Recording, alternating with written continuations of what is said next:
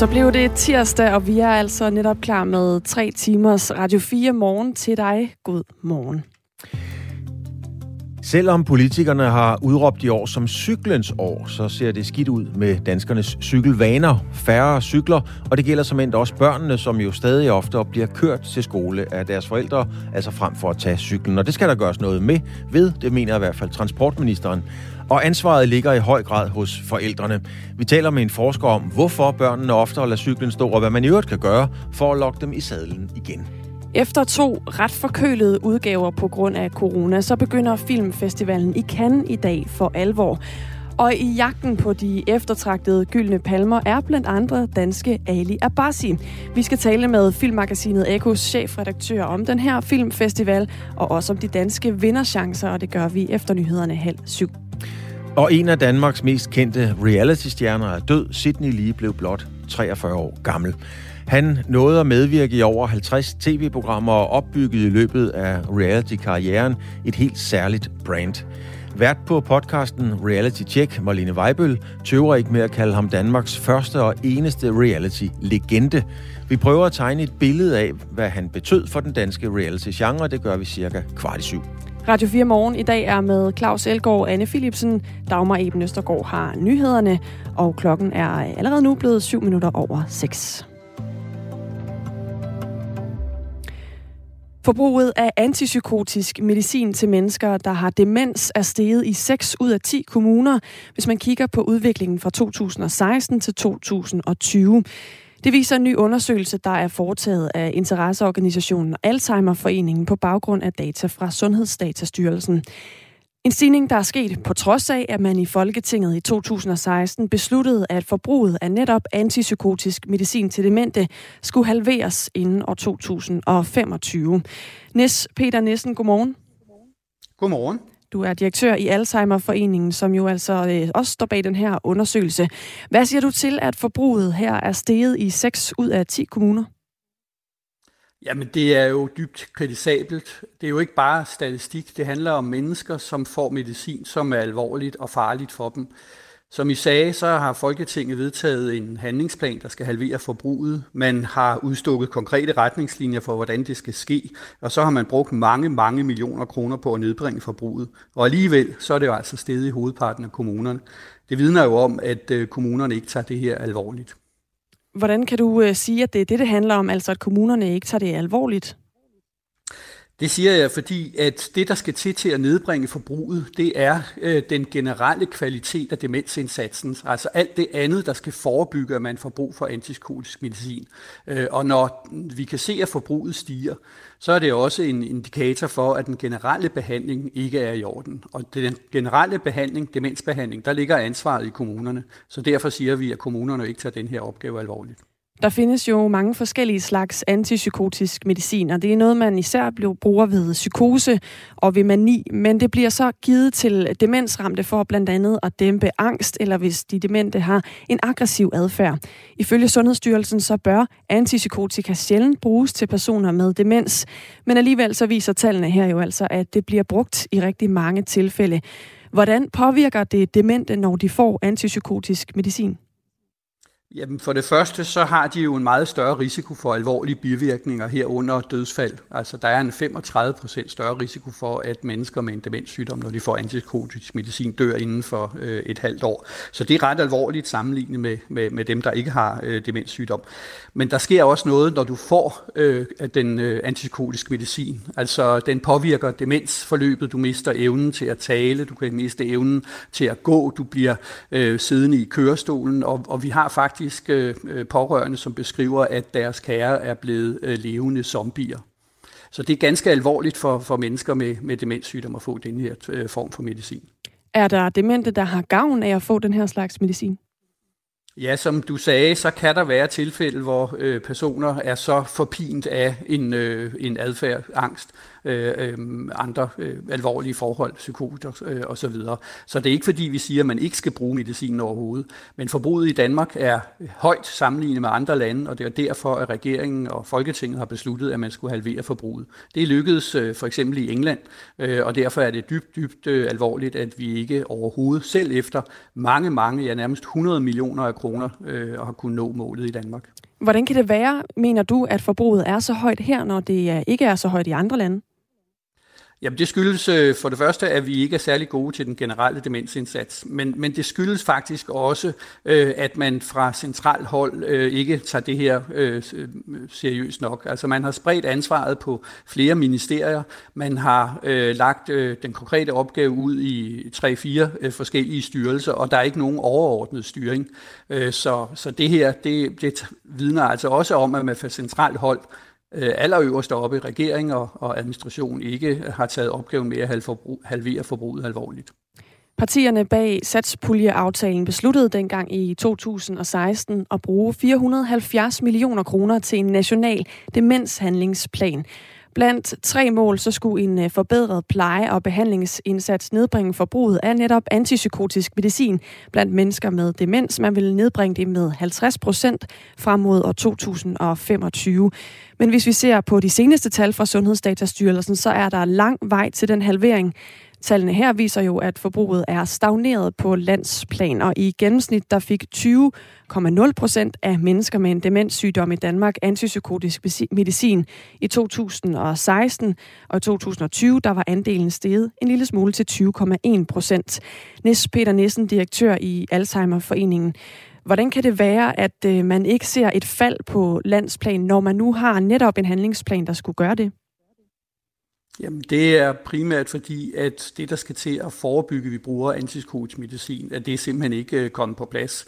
Øh, og, og det, der også skal siges til, til de tal, du nævner, det er, at forbruget især er steget på plejehjem. Og plejehjem, det er entydigt kommunernes ansvar at sørge for, at det hænger sammen.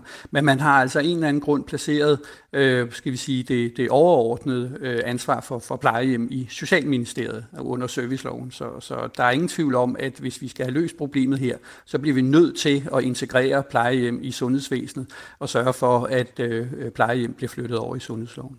Nu taler du også om forebyggelse. Altså, hvad er det for en forebyggelse, der skal til for at nedbringe forbruget af antipsykotisk medicin til demente? Ja, det er at forebygge den adfærd, som man bruger den antipsykotiske medicin imod. Det vil sige, at man skal prøve at undersøge, hvorfor er det, at en, en patient er forpint der måske endda bliver voldsom og aggressiv. Det kan jo være, at vedkommende har en øh, somatisk lidelse, altså en sygdom, Øh, og ganske ofte kan det for eksempel være en, øh, en reaktion på en øh, ikke opdaget urinvejsinfektion. Mennesker med demenssygdom har svært ved at gøre, give udtryk for, hvad det er for nogle for eksempel smerter, de har. Og derfor kan den adfærd, de har, virke mærkeligt og anderledes, hvis ikke man har forstand på demens, og ikke har forstand på, hvordan man behandler demens og urinvejssygdom i det hele taget. Og det er det, vi desværre ofte ser fra plejehjem, at personalet ikke er opmærksom, ikke er gode nok til at for eksempel sørge for, at patienter patienterne får tilstrækkeligt med drikke, øh, når det bliver varmt. Og derfor så kommer den her øh, adfærd, som så af, af lægerne bliver tolket som om, at det er nødvendigt at give antipsykotisk medicin. Så, så meget af ansvaret det ligger i dagligdagen øh, ude på især plejehjemmene, øh, ude i kommunerne. Men på national plan har man altså også besluttet sig for at sprede det her ansvar på mange forskellige ministerier og styrelser, og derfor har der ikke øh, været tilstrækkelig styring øh, og, og, og kontrol fra centralt hold. Og det er i hvert fald noget af det, som øh, vi synes synes, at øh, Folketinget skal se på med det første. Den politiske målsætning hedder jo, øh, at man skal nedbringe forbruget med 50 procent i 2025. Nis, øh, tror du, det er realistisk? Ikke med den nuværende ansats, der vil det være ganske usandsynligt, at vi kan nå målet. Øh, det er nok mere sandsynligt, at forbruget vil gå den anden vej, fordi forholdene på plejehjem er jo i de senere år blevet ganske, ganske mere alvorligt. Øh, patienterne er meget mere syge, end de har været før nogensinde. Øh, vi har store problemer med at straffe tilstrækkeligt øh, kvalificeret øh, sundhedsfagligt personale. Så hvis ikke øh, skeen bliver taget i den anden hånd, så ser vi nok frem til, at det her bare bliver værre. Og det man skal huske, det er jo altså mennesker med demenssygdom og deres pårørende, som betaler prisen. Det er fint nok at sidde på et fint kontor inde i København og synes, at det skal være anderledes, men det er ude på gulvet. Det er derude, hvor, hvor mennesker med demenssygdom øh, ikke får en tilstrækkelig behandling af problemerne opstår. Og det er også der, de skal løses. Men giver det så overhovedet mening at have sådan en målsætning, hvis den er urealistisk i din optik? Det er ikke målsætningen, der er urealistisk. Det er de metoder og de redskaber, man har sat i værk, og så er det primært, at man ikke har brugt øh, de redskaber. Øh, vi har for eksempel i vores undersøgelse øh, spurgt kommunerne, om de kender forbruget i deres egen kommune, om de overhovedet ved, hvor mange mennesker, der får en øh, antipsykotisk medicin, altså hvor mange mennesker med demens, der får Øh, Og det, det meget, meget triste svar var, at det vidste kun en enkelt kommune kunne angive et rigtigt svar. Øh, de fleste af de andre øh, kommuner, øh, de kunne enten ikke give et rigtigt tal, eller også så sagde de, at de ikke vidste tallene. Og de tal, de er helt offentligt tilgængelige. Det er ikke sådan, så Alzheimerforeningen har brugt nogle tal, som er hemmelige. Det er fuldstændig offentligt tilgængelige tal, og du og jeg vil kunne gå ind på en hjemmeside og finde dem. Og alligevel så anede kommunerne intet om, hvordan forbruget var. Og det vidner jo om, at de slet ikke tager den her opgave alvorligt nok. Så lød det fra Nis Peter Nissen, som er direktør i Alzheimerforeningen. Tak fordi du var med. Rigtig mange af de demente er på plejehjem, og derfor så ligger ansvaret hos Social- og Ældreministeriet. De vil ikke kommentere den her historie og henviser til Sundhedsministeriet, fordi det handler om medicin. Men vi har ikke kunne få et interview med sundhedsminister Magnus Heunicke. Han har ikke haft mulighed for at stille op. Senere på morgenen taler vi til gengæld med to pårørende, der begge har oplevet, hvordan medicinen har forandret deres kære, og det gør vi klokken 7.34. Nu er klokken blevet 16 minutter over 6. Og det er jo en, øh, en voldsom historie, den her bestemt ikke øh, stof til eftertanke, kan man sige, Anne. Nu skal vi have en, øh, en, øh, en, en mere munter historie. Jeg ved ikke, om den er munter. Den er i hvert fald livsbekræftende, og den kræver en masse overskud. Den handler om Blackpools øh, 17-årige angriber Jake Daniels. Mm. Han er mhm. homoseksuel, og det ønsker han, og Blackpool, det er fodbold, det ønsker han ikke længere at holde hemmeligt, og det fortæller fodboldtalentet fra den næstbedste række i et interview med mediet Sky Sports. Det opsigt, det er opsigtsvækkende, fordi ifølge Sky Sport er Jake Daniels øh, den første aktive mandlige spiller, der springer ud øh, som øh, netop homoseksuel. Jack Daniels er, er i øvrigt den første mandlige professionelle øh, engelske fodboldspiller til at springe ud, siden Justin Fashanu gjorde det, men det var så helt tilbage i 1990. Og dengang, der havde Fashanu, han havde indstillet sin karriere, øh, før han var parat til at dele, skal man sige, hans seksuelle overbevisning med offentligheden. For Daniels, der handler det om at give andre mod til at gøre det samme. Det forklarer han til Blackpools hjemmeside. Uden for banen har jeg skjult mit rigtige jeg og hvem jeg virkelig er. Jeg har vidst hele mit liv, at jeg var homoseksuel. Nu føler jeg, at tiden er inde til at springe ud og være mig selv, slår Jack Daniels altså fast. Og han har været inspireret af en øh, fodboldspiller, der hedder Josh Cavallo. Han spiller for en australsk klub, Adelaide United. Han sprang ud i oktober sammen med andre atleter, øh, som havde øh, samme budskab. Og det er jo øh, nogle gange lidt vildt det her med, altså langt hen ad vejen, så oplever man jo ikke, at det længere er et tabu at springe ud. Øh, man har også bekendtskaber, jeg har i hvert fald, øh, der er også sprunget ud. Men i fodboldsverdenen, der bliver det en nyhed, når nogen gør det. Du har jo mange års erfaring øh, som øh, sportsjournalist, Claus. Øh, altså, hvad er det ved fodbold, der gør, at det her det bliver en, jamen, sådan en hel sensation næsten? Jamen, det er jo uanset hvad, så er det jo en øh, macho verden og man kan sagtens være macho, selvom man er homoseksuel. Det er slet ikke det, det handler om. Men, men der har bare ikke rigtig været, øh, der har ikke været kultur, der har ikke været, øh, hvad skal man sige, tradition for det. Og øh, så også i andre sammenhæng, øh, Lars Christiansen, håndboldspilleren, han er jo ikke sprunget ud som homoseksuel, men han led af dødsangst i mange år. Men det er bare for at beskrive miljøet. Øh, han lagde sig en dag ned på gulvet i, i Koldinghallen og sagde, øh, Kasper Witt var der, mange af de store stjerner var der, at han var bange for at dø. Og som han sagde, at lægge sig ned i det miljø og fortælle, at man er bange for at dø, det er bare ikke noget, man gør. Og på samme måde har det heller ikke været noget, man gør, altså fortæller om sin øh, seksualitet. Og jeg tror jo, at det er lige meget, hvad vej den peger. Det er bare ikke noget, man taler om. Det er i hvert fald øh, tankevækkende, at øh, der nu i hvert fald er kommet frem, at en øh, 17-årig angriber i fodboldklubben Blackpool altså er øh, homoseksuel og har valgt, at det vil han fortælle som øh, den første aktive mandlige professionelle engelske fodboldspiller. På trods af, at 2022 er udråbt som cyklens år af politikerne på Christiansborg, viser flere undersøgelser, at færre danskere rent faktisk selv har lyst til at bruge cyklen. Det gælder ikke mindst børn, som i stigende grad bliver kørt til skole frem for selv at cykle. Ifølge Sundhedsstyrelsen faldt andelen af mindre børn, der cykler til og fra skole med næsten, hold godt fast, 30 procent i perioden fra 93 til år 2000. Ifølge Cyklistforbundet er der intet, der tyder på, at den udvikling er ved at blive rullet tilbage.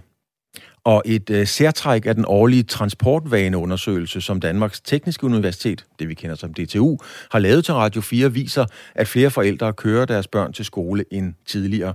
Og ansvaret for, at færre børn tager cyklen, ligger i høj grad hos forældrene, sådan lyder det i hvert fald fra transportminister Trine Bremsen. Ifølge hende er det misforstået omsorg, når forældrene kører deres børn i skole det vi går og bilder os selv ind som forældre, at nu er vi meget omsorgsfulde i forhold til vores børn, vi passer på dem. Øh, ja, altså der, der sker sådan set det modsatte. Vi, vi er årsag til, at deres sundhed øh, og deres indlæring er dårligere. Og der kommer lige en løftet pegefinger mere til de danske forældre, som ministeren mener er blevet formalige. Vi må bare konstatere, at øh, den opdragelse, vi selv fik, da vi var børn, den er vi ikke gode nok til at give videre til vores, øh, til vores egne børn. Vi er blevet formalige, og det falder først og fremmest tilbage på os forældre. Vi vil hellere køre vores øh, børn i institution og skole, end vi vil lade dem få dem øh, den cykelopdragelse, som, som er helt øh, nødvendig. Og et stort set enigt folketing har altså udråbt 2022 til cyklens år. Hele året er der fokus på at få flere danskere til at cykle, fordi det gavner både klimaet, folkesundheden og kan være med til at begrænse trængsel, som det lyder. Og så er det øvrigt også i år, Danmark er vært for de første etapper af Tour de France, når den gule feber kommer til landet. I 2015 viste tal fra Trykfonden og Rådet for Sikker Trafik, at hver tredje skolebarn mellem 5 og 8 år bliver fragtet til skolen af forældrene. Set over alle klassetrin er der tale om et ud af fire børn. Og ifølge transportminister, stadigvæk Trine Bremsen, så kan de manglende cykelture handle om dårlig samvittighed.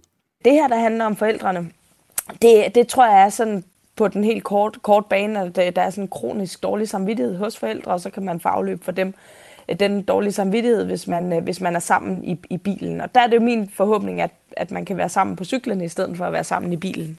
Vi hører rigtig gerne fra dig, der lytter med. Hvis du har erfaringer med det her, har du været en af dem, der har øh, transporteret dine børn i skole, eller smider du dem på øh, cyklen? Skriv endelig ind til os på øh, 1424. Det er øh, nummeret herind til, hvor du kan være med til at øh, blande dig i programmet og få din øh, stemme til at blive hørt. Transportminister Trine Bremsen har flere bud på, hvad politikerne kan gøre for at få flere skolebørn til at cykle i skole. Og her skal man både kigge på infrastrukturen og også på oplysning, siger hun. Det handler altså om øh, og, øh, de steder, hvor der er dårlig cykelvej, og det medgiver, at der er nogle steder i Danmark, at vi får forbedret der, at, og at vi får sat større spot på, hvad det er for gode følgevirkninger, der er af, at man, man cykler. Alle forældre vil jo deres børn det bedste, så hvis de bliver mere opmærksom på, at de faktisk kan give deres børn bedre indlæring, at de kan øh, give deres børn nogle succesoplevelser ved at være på cyklen, at de kan øh, give øh, jo også nogle bedre trafikvaner, fordi det ved vi også kommer af, når man, øh, når man er på cyklen. Jamen, jamen så, så håber jeg jo på, at vi den vej igennem kan motivere øh, forældrene til at cykle. Men, og så skal vi have fokus i, i institutionerne, og det er mange kommuner blevet rigtig gode til, men det vil jeg gerne brede ud til, til resten af landets kommuner. Altså det her med at få presset skabt fra neden, øh, så det er børnene, der kommer hjem og siger, skulle vi ikke nok til at cykle? Hjalmar Christiansen er specialkonsulent på Danmarks Tekniske Universitet, og han leder den årlige undersøgelse af danskernes transportvaner. Det er en undersøgelse, der bliver kaldt Transportvaneundersøgelsen.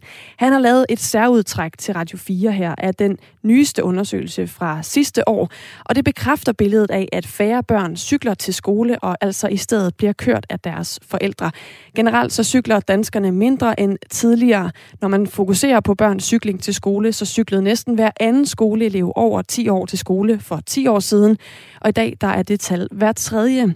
Samtidig så er andelen af skoleelever, der bliver kørt til skole af deres forældre steget fra 15 procent til 25 procent.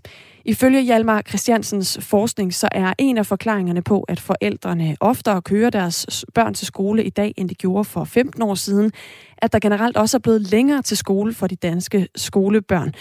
Den gennemsnitlige afstand fra hjemmet til skolen var for 15 år siden cirka 5 km, og i dag der er den cirka 9, fortæller han. Det, der er måske mest interessant, det er den andel, som så har mere end 5 km til skole i en luftlinje. Øh, det er så steget fra omkring 20-21 procent og op til nu næsten 30 procent. Så, så der er en, en væsentlig forklaring, der handler om, øh, om selve afstanden. At øh, på grund af, ja, og hvorfor har folk så fået øh, længere til skole, kan man spørge. Øh, det er skolesamlægninger, det er det fri skolevalg, det er i et vist omfang også privatskoler og friskoler. Og så kan en del af forklaringen ganske simpelt også være, at flere danskere simpelthen ejer en bil i dag. Der er også en anden, der handler om øh, stigende bilejerskab øh, og stigende bilpendling. Øh, og det, når mor eller far alligevel kører på arbejde i bil, så er det jo ret nemt at drøse børnene af ved skolen på vejen. Hjalmar Christiansen peger også på, at hvis flere danskere skal ud af bilerne, så handler det også i høj grad om, at der er gode muligheder for at bruge offentlig transport. Kan det have noget at gøre med, at forældrene leverer ca. 80 timers arbejde plus transport om ugen, skriver Jens Larsen fra Roskilde på sms'en til den her historie. Daniel peger på, at øh, hvad der skete i Danmark mellem 93 og nu, er der mange lokale skoler stadig, eller har regeringen skåret ind til benet med skolelukninger, som følge mine børn skal cykle 12 km uden cykelsti på stærkt trafikeret hovedvej. Så jeg tror, at transportministeren skal feje for egen dør, før hun langer ud efter forældre og børn. Jeg cykler personligt til og fra arbejde, skriver Daniel ind på sms'en. Og vi hører altså rigtig gerne dine erfaringer på det her område. Du skal bare sende din besked til 1424. Vi talte lidt om det i går, Claus. Øhm, det var jo dem her, der løb med sejren i lørdags, da der blev afholdt Eurovision, det øh, europæiske Melodi Grand Prix.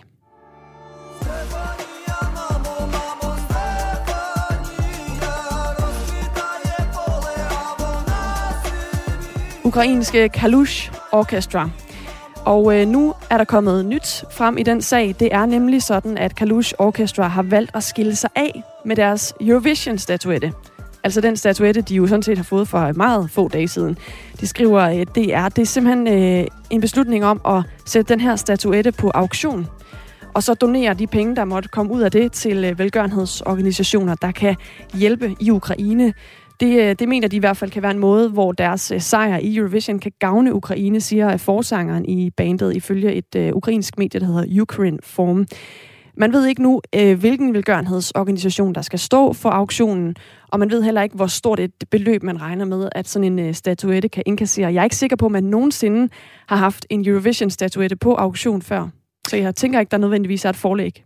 Jeg stod lige og tænkte på det, og jeg kan simpelthen ikke komme i tanke om, at der er, der er rigtig mange af sådan nogle klenodier, der mm. er, er alle mulige karakterer, der kommer på auktion. Øh, men lige den der, nej, den kan jeg heller ikke huske. Nej, vi må se, hvad det lander med.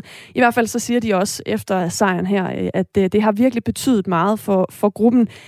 Der bliver talt om, at det virkelig har været en stor fornøjelse for dem at kunne overbringe nogle gode nyheder til landsmændene, nu hvor der har været så mange dårlige. Og øh, en af forsangerne i bandet siger også, at han kan se allerede nu, hvordan det har opmuntret folket. Så han er ligesom glad for at se, at det her med de to afsted på trods af krigen til Eurovision, det øh, har ikke været forgæves, siger han.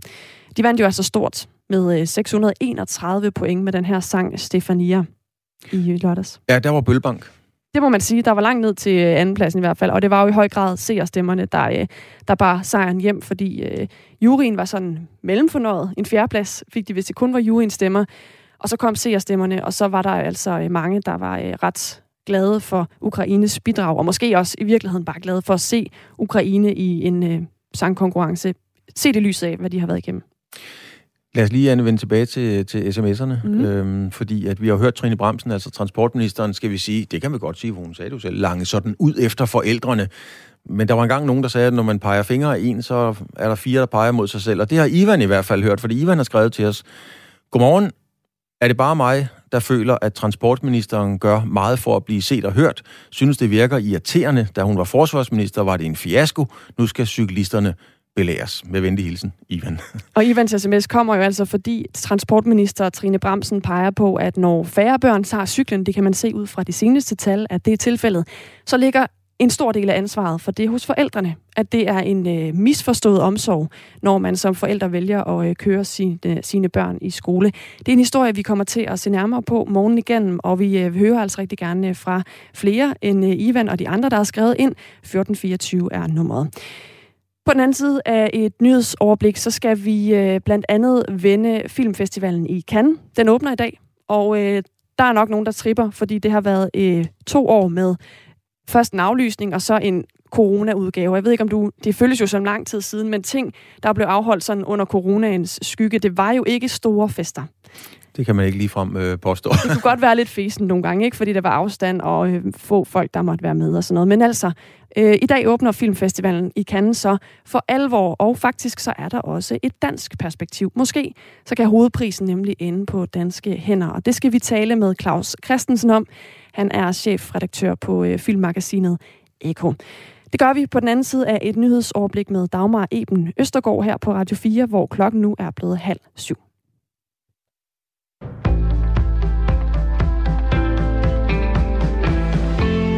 Det er tid til at gøre op med den manglende kontrol i Folketingets udvalg vedrørende efterretningstjenesterne. Det mener flere af udvalgets medlemmer, som har udtalt sig til Jyllandsposten. Udvalget er også kendt som kontroludvalget og blev oprettet for at få indsigt og kontrol med de danske efterretningstjenester. Men udvalget er underlagt en streng tavshedspligt og må i de fleste tilfælde ikke videregive de informationer, som justitsminister Mathias Tesfaye orienterer dem om. I stedet bliver udvalget brugt som syltekrukke for spørgsmål om efterretningstjenesternes arbejde. Det mener SF's Karina Lorentzen Denhardt, som har siddet i udvalget af flere omgange. Jeg forstår godt, hvorfor ministeren gør det. De har også begrænsede muligheder for at svare. Og så er det jo rart at sige, at der er nogen, der kan få de her oplysninger. Men man efterlader lidt et indtryk af, at vi kan gøre noget ved det, og det har vi ikke stjerner på skuldrene til. Vi er alene et indsigtsudvalg, siger hun til Jyllandsposten. Mathias Tesfaye har hverken kommenteret kritikken eller udvalgets overvejelser. Han henviser til Socialdemokratiets retsordfører Bjørn Brandenborg, som heller ikke ønsker at svare på, om han frygter, at regeringen kan bruge udvalget som syltekrukke. Udvalget vil nu undersøge, hvordan kontrollen med efterretningstjenesterne foregår i andre lande. Og så skal vi til Ukraine, hvor over 260 ukrainske soldater efter flere uger er blevet evakueret fra det belejrede Azovstal-stålværk i Mariupol. Det lykkedes sent i aftes, oplyser Ukraines viceforsvarsminister. Over 200 er bragt til byer og hospitaler i det østlige Ukraine, som er under kontrol af pro-russiske separatister. Viceforsvarsministeren siger dog, at alle de evakuerede soldater vil få muligheden for at vende hjem ved hjælp af fangeudvekslinger. Rusland bekræftede i går, at landet var gået med til at evakuere sårede ukrainske soldater fra stålværket. Det er uvist, hvor mange soldater, der er tilbage efter den seneste evakuering, men det har tidligere forlydt, at omkring 600 militærpersoner har søgt tilflugt på det enorme område. Ukraines væbnede styrker de sagde sent i aftes i en udtalelse, at arbejdet med at redde de resterende soldater på stålværket fortsætter. Og her der lyder det også, at soldaternes kampmission er overstået, og at de nu i stedet er blevet beordret til at redde hinandens liv. 85 personer er kommet til skade, og en lokomotivfører har mistet livet i en ulykke, hvor to tog kørte ind i hinanden lidt uden for den spanske by Barcelona. Det oplyser det regionale beredskab i Katalonien. Ulykken opstod, da et godstog kørte af skinnerne og ramte et passagertog. Lokomotivføreren i passagertoget døde som følge af sammenstødet, lyder det fra den regionale regering i en udtalelse. Flere tidligere og nuværende engelske fodboldstjerner hylder den 17-årige fodboldspiller Jake Daniels. Blackpool-talentet blev nemlig i går den første aktive professionelle engelske spiller i over 30 år til at springe ud som homoseksuel, skriver BBC. Det engelske landsholds nuværende anfører Harry Kane siger på Twitter, at Jake Daniels fortjener stor ros og understreger samtidig, at fodbold bør byde alle velkomne. Samtlige 20 Premier League-klubber har også udtrykt støtte til Jake Daniels på Twitter, og premierministeren Boris Johnson takker fodboldtalentet for sit mod og siger, at han bliver en stor inspiration for mange både på og uden for banen. I den sydvestlige del af landet, der bliver det mest skyde, og først på dagen her, der er der også stedvis regn. Ellers så bliver det tørt med nogen sol. Temperaturerne rammer mellem 12 og 18 grader, lokalt en smule varmere, og vinden den bliver let til jævn fra østlig retning. Det var nyhederne på Radio 4 med Dagmar Eden Østergaard.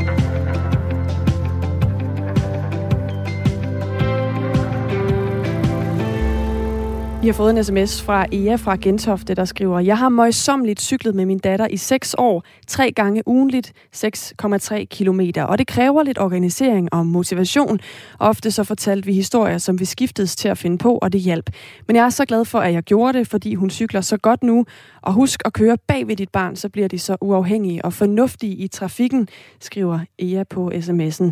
Hvor nummeret er 1424, og det som Ea har reageret på, det er en historie her til morgen om, at øh, det ikke går øh, så godt med at få øh, børnene til at cykle i skole. I hvert fald så viser tallene, at andelen af mindre børn, der cykler til og fra skole, er faldet med næsten 30 procent, hvis man kigger på perioden 1993 til 2000. Og det er en historie, vi også kigger på i løbet af morgenen her til morgen. Og det er jo lidt paradoxalt, fordi at det er jo, altså alt står jo i cyklingens tegn. Tour de France kommer til Danmark. Det er cyklens år 2022 og så videre. Men øh, der er ikke rigtig gang i, ja, da jeg var barn, der hed det jo en ged. Der ja. kaldte man det en ged. Ja, det var havelån. Havelån, man skulle ud på geden. har mange navne. Ja. det er jo det, der Ja, men det er i hvert fald en historie, vi øh, også kommer til at se nærmere på her til morgen, hvor Radio 4 Morgen er med Claus Elgård og Anne Philipsen. I dag åbner Filmfestivalen i Cannes efter en aflysning i 2020 og en dæmpet corona-udgave sidste år, så kan den sydfranske by altså igen uddele palmer af guld til de bedste film. Og måske så kan den allerfineste pris, altså hovedprisen, ende på danske hænder i år. Godmorgen, Claus Christensen. Godmorgen. Chefredaktør på filmmagasinet Eko. Det handler om den øh, iransk-danske instruktør Ali Abbasis film Holy Spider, som altså er nomineret til hovedprisen. Hvor gode er chancerne for, at den også går hen og vinder? Den har jo den har en, en, en chance, øh, absolut. Det er en øh, meget original øh, instruktør, som jo oprindeligt kommer fra Iran. Så rejste han til Sverige, og så bosatte han sig i Danmark og kom på den danske filmskole. Og nogen har måske set den film, der hedder Grænse, som handler om et kærlighedsforhold mellem sådan to troldeagtige mennesker. En meget, meget original og også meget politisk film egentlig. Og nu har han altså taget tilbage til Iran, i hvert fald på det hvide lærred, den er lavet uden for, uden for Iran, og som handler om en religiøs familiefar, der vil rense gaderne for prostituerede og altså bliver seriemorder. Og der tager øh, Ali Abbasi altså det her prostitutionstabu op øh, i det her meget strengt religiøse land. Og øh, rygterne omkring filmen, jeg har ikke set den, den er ikke blevet vist for nogen endnu, øh, er meget, meget gode. Det skulle være en meget politisk film, som er pakket ind i en thriller, og den skulle altså vise os nogle billeder, nogle scener, vi ikke har set før. Og det er sådan en film, der kan gå hen og vende guldpalmen. Hvornår kan man egentlig få lov til at se den her meget savnomspundne film? Jamen, jeg tror, den har premiere her om et par dage hernede. Der bliver den så vist for pressen, og så kommer der en øh, stor øh, gala-visning af den. Og øh, ja, så kaster øh, alverdens kritikere øh, sig jo over den. Og, øh, og så er det altså en, en jury, som øh, skal beslutte sig for, øh, hvilken film der vinder, om den er god nok til at komme helt til tops. Irans ganske Ali Abbasi vandt en øh, pris for den her specielle film, du også nævnte før, øh, Grænse, som, øh, og den pris vandt han tilbage i 2018, og nu er han jo så nomineret igen ved Filmfestivalen i Cannes. Hvad er det, Ali Abbasi er god til? Jamen, han laver film, vi ikke har set før. Han er meget, meget god til at lave politiske film. Den grænse, den handlede om flydende kønsroller, øh, og den handlede også om seks, altså seksualitet. Øh, så han laver nogle, han har nogle holdninger, men han er også i stand til at skabe nogle øh, fantastiske historier, som altså øh, skaber billeder, vi ikke har set før. Han, han går til grænsen hele tiden, bogstaveligt talt, øh, og øh, udvider filmsproget. Og det er den type film, som kan gå hen og vinde guldpalmen. Fordi man skal tænke på her, det vi, vi, vi plejer at kalde det verdensmesterskabet i filmkunst.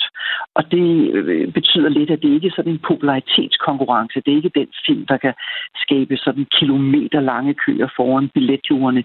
Det er den film, der viser os noget nyt og fører filmkunsten videre, hvis man skal være sådan lidt højsvungen. Hvis man nu øh, gerne vil have klaphatten øh, endnu mere ned over ørerne, så kan vi også nævne, at den islandske instruktør Hylni Palmason står bag filmen Vandskabte Land, som er nomineret i den anden store kategori En Satan Regard. Han er uddannet fra den danske filmskole. Det er der, vi kan tage klaphatten på, og filmen har også flere danskere på øh, rollelisten. Så er der også en dansk kortfilm nomineret i filmskolekategorien, og der er faktisk også øh, dansk involvering i to andre film til hovedprisen. Vi kan jo tale en masse om nomineringer og om film, men for mange af os er øh, Filmfestivalen i Cannes jo ikke et sted, vi har øh, sat deres, øh, vores fødder før. Så hvad er Filmfestivalen i Cannes for et sted? Du er jo øh, afsted selv. Ja, altså det er jo et, øh, det er jo et, et kæmpe marked, som ligger nede ved Rivieraen, hvor øh, der er jo altså en del, som vores kritikere øh, ser filmene og øh, vurderer dem. Øh, og så er der også et stort marked, hvor alverdens øh, filmfolk kan vise deres film og sælge deres film. Øh, så det er både et, man kan sige, både lidt øh, det er den kommercielle del af festivalen, og så er der altså den her lidt, lidt hvad skal man sige, gåsøjne, lidt finere del, lidt kritikerdelen. Så det er et sted, hvor hele verdensfilm, altså også amerikanerne i, i et vist omfang, tager til for at give deres film verdenspremiere eller for at præsentere et nyt projekt. Der bliver indgået en masse handler øh, på restauranter rundt omkring osv. Og, og så er det også en, ja, en, en meget, meget stor fest, som, øh, hvor de forskellige filmselskaber holder fest om natten og fejrer, at, øh, at øh, nu kan de altså holde verdenspremiere på deres film. Så når der er danske film nomineret, eller i hvert fald film med danske islet, har det så også en betydning for den danske sådan, øh, anerkendelsen af den danske film og, og den branche? Jamen helt klart. Altså, Cannes Festivalen er den førende filmfestival for filmkunst i verden, og det havde jo en helt afgørende betydning for dansk film dengang i 1984, hvor Lars von Trier blev udtaget til hovedkonkurrencen, jo den film, der hed Forbrydelsens Element. Det vil jeg mene var, var det afgørende øjeblik, hvor dansk film blev, blev, blev ændret sådan en kunstnerisk forstand, for det var en anerkendelse. Vi havde ikke haft så stor succes hernede øh, i, i, i, i nogle år, men så kom ligesom det her gennembrud, og det betød pludselig et enormt fokus på dansk film, og du kan ikke møde nogen hernede, der ikke ved, hvem Lars von Trier er, og dermed, øh, hvad dansk film er. Og det, det, det er den type, vi ser nu, unge instruktører, som er inspireret af Lars von Trier og lignende dogmebølgen, som kommer frem her, og som har en interesse i at skabe nogle film, der udfordrer os, øh, nogle film, som, øh, som rejser nogle nye tanker hos os, skaber nye følelser, altså sparker benene væk under os. Og altså øh, flere øh, film med danske islet nomineret til den her filmfestival. Tak fordi du var med her, Claus Christensen. Selv tak. Og god fornøjelse dernede, chefredaktør på filmmagasinet Eko. Den 1. juni skal vi stemme om Danmarks EU-forsvarsforbehold. Vi, der står her, der har derfor givet hinanden hånden på, at der skal afholdes en folkeafstemning den 1. juni. Lyt med, når Radio 4 og TV2 News inviterer til debat, hvor fem toppolitikere, eksperter og ikke mindst spørgsmål fra vælgere klæder dig på til at vælge mellem ja og nej. Vi er simpelthen blødende modstandere af, at de EU bliver beføjelser. Hør debatten i morgen fra 19 til 21. Radio 4 taler med Danmark. Det her er Radio 4 morgen med Anne Philipsen og Claus Elgaard, og en halv time her i programmet, som øh, langt hen ad vejen er sådan i den mere kulturelle ende. Om lidt skal vi vende et øh, dødsfald, der øh, tog mange overskrifter i går. Det er øh, Sydney Lee, reality-stjernen, der i går aftes blev øh, bekræftet død, kun 43 år gammel. Men inden vi øh, vender den historie, så skal vi også lige kigge mod Ukraine, fordi flere end 260 ukrainske soldater, der har været på det belejrede Azovstal-stålværk i Mariupol, er nu sluppet ud. Sent i aftes, der lykkedes det at evakuere dem til forskellige byer i Ukraine. Det oplyser Ukraines viceforsvarsminister Hanna Maliar. Ukraines væbnede styrker siger så i en udtalelse, at arbejdet med at redde de resterende soldater på stålværket, det fortsætter, men er altså ikke færdig endnu. Og så lyder det også, at soldaternes kampmission er overstået, og de stadig, i stedet for nu skal bruge kræfterne på at redde hinandens liv. En øh, lignende melding kommer også fra Ukraines præsident Volodymyr Zelensky, øh, som, øh, som siger i en videotale, at Ukraine har brug for sine helte i livet. Og det er jo altså det her område omkring stålværket Azovstal, der i flere uger har været under beskydning.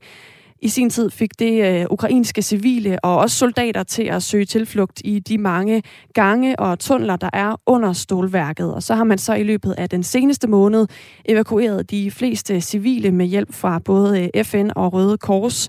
Og på mange måder så er det her stålværk også blevet et symbol på Ukraines modstand mod Rusland, fordi de her soldater på Azovstal fortsatte med at kæmpe selv efter, at øh, Mariupol-byen faldt til russerne. Og nu er seneste nyt altså, at øh, flere end 260 ukrainske soldater, der har været på det her belejrede stålværk i Mariupol, er sluppet ud.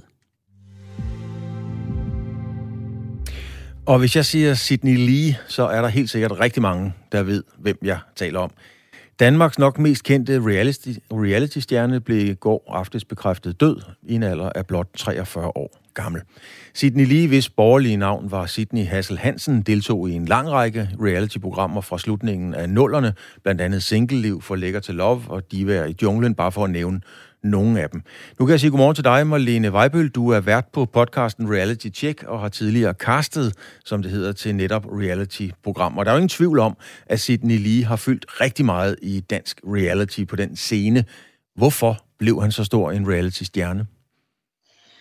Jamen det gjorde han jo nok, fordi at øh, han var jo den første, som kom, som, som var sådan en helt skør karakter, øh, som vi jo ikke rigtig kunne regne ud. Vi havde haft Biker Jens og Jill inden, som i gåsøjne var almindelige mennesker. Han var jo en karakter, vi ikke forstod.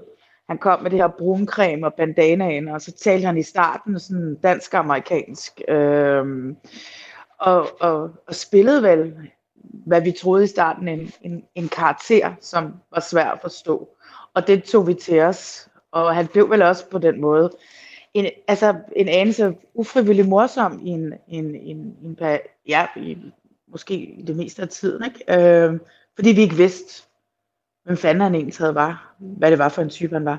Men når du kigger tilbage på Sidney Lee, øh, var han så en mente, hvad du lige har fortalt, var han designet, eller var han autentisk? Jeg tror sgu, han var autentisk. Altså, det vil sige, jeg skal jo sige, jeg, jeg, jeg kendte ikke Sidney lige. Jeg har mødt ham med nogle lejligheder selvfølgelig. Øh, men men ja, det var ikke fordi, jeg tror, at han hvad hedder det, gik hjem, og så var han ham fra, vi så i sin tid for mange år siden, da han var med i Godmorgen Danmark og lavede en april snart. Vel? Oh, der tror jeg, vi mistede øh, forbindelsen til øh, vores ekspert omkring øh, Sidney Lee. Jeg er sikker på, at der bliver arbejdet på det derude lige nu, og det handler jo altså om, at Sidney Lee i går aftes i en alder af 43 år blev øh, øh, bekræftet død. Og er du med os igen? Jeg tror ikke helt, vi har øh, Malene Weibel med endnu. Sidney Lige nåede jo at medvirke i øh, mere end 50 forskellige danske tv-programmer, og øh, det var tilbage i 2007, at man for første gang kunne øh, se ham på, på skærmen. Her med, medvirkede han i en DR-dokumentar, der hed Blod, Sved og Springskaller, hvor han øh, fortalte om blandt andet sin drømme om en øh, wrestling-karriere. Men han har også lavet andet end tv, udover selvfølgelig også en række reality-programmer efterfølgende. Øh, I 2011 der blev han vært på øh, radioprogrammet Genialos på øh, Radio 24 sammen med fysiker og professor Holger Bæk Nielsen. Det var sådan et nytårsprogram, der faktisk endte med at blive lidt af en tradition også for mange. Nu tror jeg, vi kan sige godmorgen igen til Marlene Weibel. Er du med os her? Ja, sorry, jeg ved ikke, hvad der skete. Malene, hvad for en rolle uh, har Sidney Lee spillet i udviklingen, skal vi sige, af den danske reality? Altså, har, har han ligefrem uh, påvirket genren? Uh, han har i hvert fald uh, han har i hvert fald markeret sig sådan, at alle ved, hvem han er. Uh, uh, og jeg ved ikke, om man decideret på... Altså, han var jo den første, da han kom med i Single-liv, var han jo også sådan helt skør, ikke? Øh, og helt, altså sådan en, en karakter, vi ikke har set før. Og det, jeg tror, det er lidt det, som han, der han har påvirket rollen, ikke? Fordi vi ikke, igen ikke vidste, hvad, hvad han var for, hvem han var egentlig. Så på den måde har han påvirket, at, at alle vidste, hvem han var. Han var med i femte sæson af, af X on the Beach, som var den her corona-sæson i Danmark, hvor han kom på besøg og festede med, med de her unge, nye ved alle stjerner. Og de vidste jo alle sammen, hvem han var. Så han er jo egentlig alle sammen har vidst, hvem var.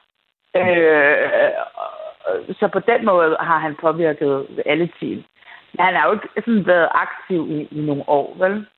Men, men som du siger, at, at Sidney Lee var dygtig til at få folk til at vide, hvem han var. Han var jo sit eget brand, kan man roligt sige. Og kæmpe det brand. Kæmpe brand, og det brand, han skulle leve op til. Øh, hvad fik det af betydning for ham? Ja, og det er jo det... Jeg tror ikke, at det fik den bedste betydning for ham. Øh, fordi at... Øh, det, han er jo svær at til noget som helst, så han er den her helt bestemte type for det første. Ikke? Øh, og, og, og uden at jeg ved præcis, men der var bare et eller andet også lidt sørgeligt øh, ved ham på en eller anden måde, ikke? Øh, til, til, øh, og, og, og det mener jeg, ja, og, hvordan skal jeg sige det? Men der var jo et eller andet, øh, fordi folk jo bare, også på en eller anden mærkelig måde, så kan vi, i dag er vi jo alle sammen kede af det. I går, jeg var jo fuldstændig, jeg var sindssygt berørt af det, og jeg har kun mødt manden et par gange. Øh, men, men hans karakter endte jo med at blive sådan lidt en parodi på sig selv, ikke? Ja, men altså ja, en, en parodi, en karikatur på sig selv, men når, når, når jeg så ham, og jeg har jo heller ikke mødt ham øh, flere gange end dig, øh, så synes jeg bare, at jeg kunne fornemme, sådan midt i den her muskelsvulmende mand, wrestlingen og det der macho he ja. så synes jeg bare, at man kunne fornemme noget meget sårbart. Det tror jeg også bestemt. Altså, han, øh, jeg sad og læste nogle forskellige ting i går om ham, og, og folk har jo også tidligere udtalt, at måske så... Han har jo lavet sådan nogle videoer, hvor han drak to flasker whisky på et minut og sådan noget, ikke? Altså, du ved, hvor det blev sådan lidt... Ja, og måske var det bare ikke så fedt at være Sydney. Han kunne ikke gå på gaden, øh, uden at alle skulle have selfier med ham, og, og, og sådan. Så, så måske var det også bare en lille smule trist nogle gange, at, at være ham. Jeg ved det ikke. Jeg, jeg har, men han er sådan en, man, jeg tit har tænkt på, du ved, sådan, hvad fanden er det med ham? Øh, og, og hvem er han egentlig? Og det er jo, hvis vi ikke rigtig kender ham, og han bare sådan en eller anden karakter, der kommer gående med bruncreme, og så vil vi have en selfie med ham, og så kan vi grine lidt af ham, og så går vi videre. Det er, det er jo, det er jo sjovligt, og det kan jeg godt forstå. Man bliver måske sårbart ked af det over, øh, når man er ham, hvis ikke man bliver taget rigtig seriøst på en eller anden måde. Marlene Weibøl, her til sidst, vi skal ære Sidney Lees minde. Yes. Hvornår var han i din optik egentlig bedst? Altså, hvornår var det, hvornår var det den bedste udgave af Sidney Lee, når vi så ham øh, i et eller andet program? Altså, jeg havde både at så noget, altså, jeg har virkelig set noget gammelt øh, single-liv i går, ikke? Og, øh, og jeg vil sige single-liv, og, som var der, han, hvor han virkelig brød igennem i, i syv, tror jeg det var, ikke? Var han jo virkelig genial. Øh, han var jo genial, fordi han var pisselig glad, ikke? Også, ikke? Inviterede, jeg så også så, var han inviteret en date med på øh, en pølsevogn, og for kunne få en rød pølse og en hotdog. Altså kuldshaker og, eller hvad det var, bitches, eller hvad var det, han kaldte dem, ikke? Altså, du ved, det der, når man man bare havde en fest med ham. Det var jo det, som var sjovt, ikke? Altså, det lavede man jo i Fænkelev. Tak skal du have, Marlene Weibøl. Du er vært på podcasten Reality Check og tidligere kaster. Tak fordi du ville være med. Sidney lige blev 43 år. Og øh, familien ønsker ikke at oplyse yderligere om dødsfaldet, men ifølge Ekstrabladets oplysninger, så er der øh, overgået en sag til den uafhængige politianklagemyndighed om sagen, fordi altså ifølge Ekstrabladet, at politiet var til stede, da han mistede livet. Men øh, mere ved man altså ikke om den her sag. Jeg tror i øvrigt, at Sidney Lee også blev kendt for at kalde de her kuldshackers for en son of a bitch. Det er det, rigtigt. som øh, Malene Weibøl øh, øh, henviste til her. Klokken er 8 minutter i syv.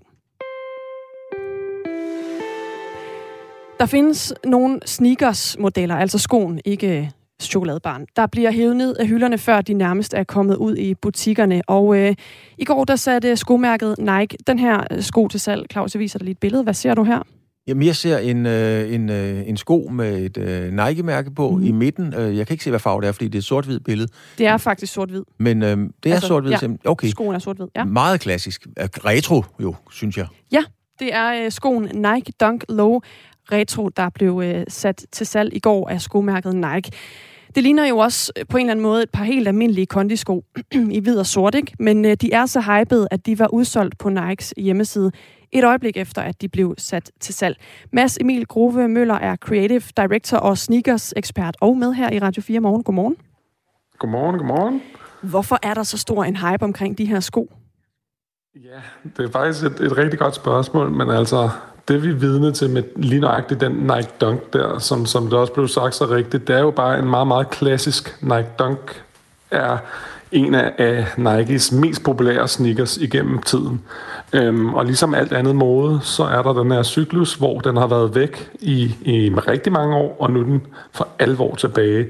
Øhm, og Nike Dunk, lige nøjagtigt den der Dunk, som blev fremhævet der, det er den, der hedder Nike Panda, som øh, på grund af sit sort-hvide look appellerer til rigtig mange mennesker, fordi den er så nem at have med at gøre. Den er sort og hvid. Du kan have den på til alt tøj. Den, øh, den er trendy lige nu. Øh, og derfor er det lige nøjagtigt den model, som er den bedst sælgende PT. Øhm, og det er egentlig derfor, at pandaen er så populær, som den er. Hvorfor er der ikke lavet flere, så flere kunne få fingrene i dem? Ja, men det har der faktisk også været. Det er det faktisk i går var anden gang, de genudgav den her Nike Panda. Øhm, men altså Nike gør jo det, at de, de, de bevidst udgiver ting på sådan en lidt limiteret måde. Det, der er sjovt ved lige nok det den Panda, det er, at det er faktisk en mainline sneaker. Det vil sige, at den er ikke lavet bevidst til at være en af de her limited editions, collaborations, vi kender. Men det er faktisk en del af deres mainline, retailer til en rigtig fair pris til 8,99, men der bliver stadig fordelt sko ud til alle de retailers, der er i verden, og på den måde har hver retailer ikke særlig mange sko. Lad os sige, de har 40-50 par, og så ryger de altså bare hurtigt, inklusiv Nikes egen hjemmeside, hvor man ikke har nogen anelse om, hvor mange de har, men det siger bare lidt om, hvor mange sko de rent faktisk sælger. Men det kan jo virke helt øh, specielt, når man ikke i hvert fald, som jeg ved så meget om sneakers, at et, så par, et par så almindelige sko til en sådan øh, relativt almindelig sneakerpris lige pludselig bliver så hyped. Altså, hvad er det præcis, der gør, at det overhovedet kan lade sig gøre? Jamen altså lige med den her Nike Dunk, der, der er det sådan en længere historie, fordi altså Nike Dunken er oprindeligt fra 85 og designet af en, der hedder Peter Moore, som også har lavet en anden meget populær Jordan-sko, der hedder Jordan 1, som er faktisk er den dyreste sko i verdenshistorien ved aktion og så videre og så videre. Men Nike Duncan har ligesom haft den her popularitet i rigtig mange subkulturer altid. Den var kæmpestor, da den kom frem i 80'erne som en basketsko. Så, blev den, så døde den lidt hen igen, efter den, at de var færdige med den. Så fik den øh, sit eget liv igen blandt skateboardkulturen i 90'erne, hvor de ligesom tog den til sig, fordi den lå billigt i nogle af de her sportsbutikker i USA. I 2002 det ser Nike selvfølgelig, og de laver deres egen Nike skateboarding-linje, hvor de så bruger Dunken som deres main sko, og så får den for alvor sit liv tilbage. Så dør det ud igen i 10'erne, og i slutningen af 10'erne, så kommer den så tilbage igen, fordi at der er folk, der begynder at retro, det vil sige finde de her gamle skateboarding-versioner frem. Og det bliver så set på kendiser verden over. Folk samler og begynder at gå i deres gamle sko igen. Og det trickler sig ned igennem sneakerforbrugeren. Og til sidst så ender det med, at vi her i 2022 har en hel ungdom, som bare skal have den der panda, fordi der er ligesom gjort så safe som overhovedet muligt. Den er sort-hvid. Den er blevet decoded på en eller anden måde helt ned fra alle mulige vanvittige versioner i, i uh, samarbejdssammenhænge og lavet med kunstnere og butikker rundt omkring i verden, der er pandaen sådan, det er bare den safe Nike Dunk, og derfor er den nu blevet så mainstream, som den overhovedet kan. For tredje, fjerde gang. Vi taler med Mads Emil Grove Møller, der er øh, sneakers-ekspert, og det gør vi, fordi skomærket Nike satte en ny sending af sine øh, Nike Dunk Low retro til salg i går, og de blev altså øh, hævet ned af hylderne nærmest før de kom afsted i butikkerne. De folk, der har fået fat i de her meget hypede sko, eftertragtede sko, er det nogen, der køber dem for at gå med dem ude i virkeligheden, eller hvad, hvad bruger man sådan en sko til?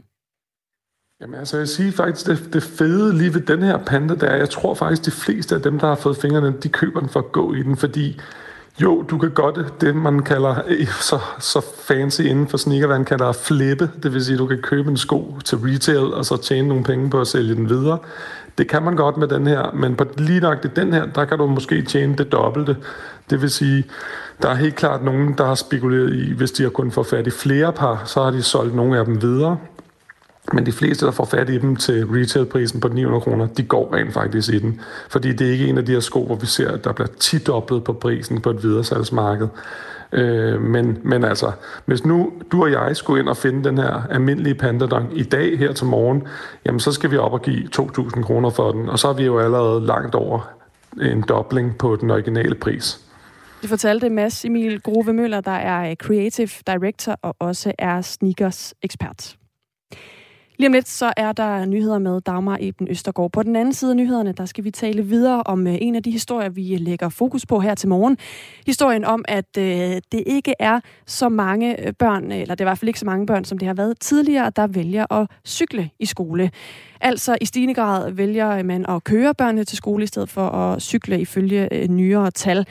Øh, og øh, vi skal tale med Rasmus Edelberg, der er formand i skole og forældre, fordi for, øh, ikke forsvarsminister, det har hun været engang, nu hun transportminister Trine Bremsen øh, jo øh, mener, at det her det også handler om, at øh, det er en misforstået omsorg, når forældre vælger at køre deres børn i skole. Og der er gang i sms'erne i forhold til det emne. Der er lige kommet et, øh, det virker lidt som et surt opstød, men i hvert fald en konstatering. Øh, med hensyn til cykling, min statslige arbejdsplads blev flyttet 100 km, så nu kører jeg i bil. Mariem skriver ind, og øh, hun er en fast lytter af programmet, og jeg ved, hun er også buschauffør. Hun skriver, at de unge mennesker vil helst vente på mig med 5-10 minutters forsinkelse med bussen. Heller det end at gå 300 meter, skriver Mariem. Rasmus Edelberg, formand for skole og øh, forældre, øh, skal forklare, hvad han mener øh, kan være årsagen til, at øh, forældrene, som han jo repræsenterer, i øh, flere tilfælde kører deres børn til skole. Vi skal også se nærmere på en øh, sag, der øh, fylder meget på Christiansborg lige i øjeblikket. Det handler om øh, sagen om Claus Hjort Frederiksen, tidligere forsvarsminister, som øh, gerne ifølge regeringen skal tiltales øh, for et øh, brud på paragraf 109 om at røbe eller videregive statshemmeligheder. Det kigger vi også nærmere på efter nyhederne med Dagmar Eben Østergaard. Nu er klokken 7.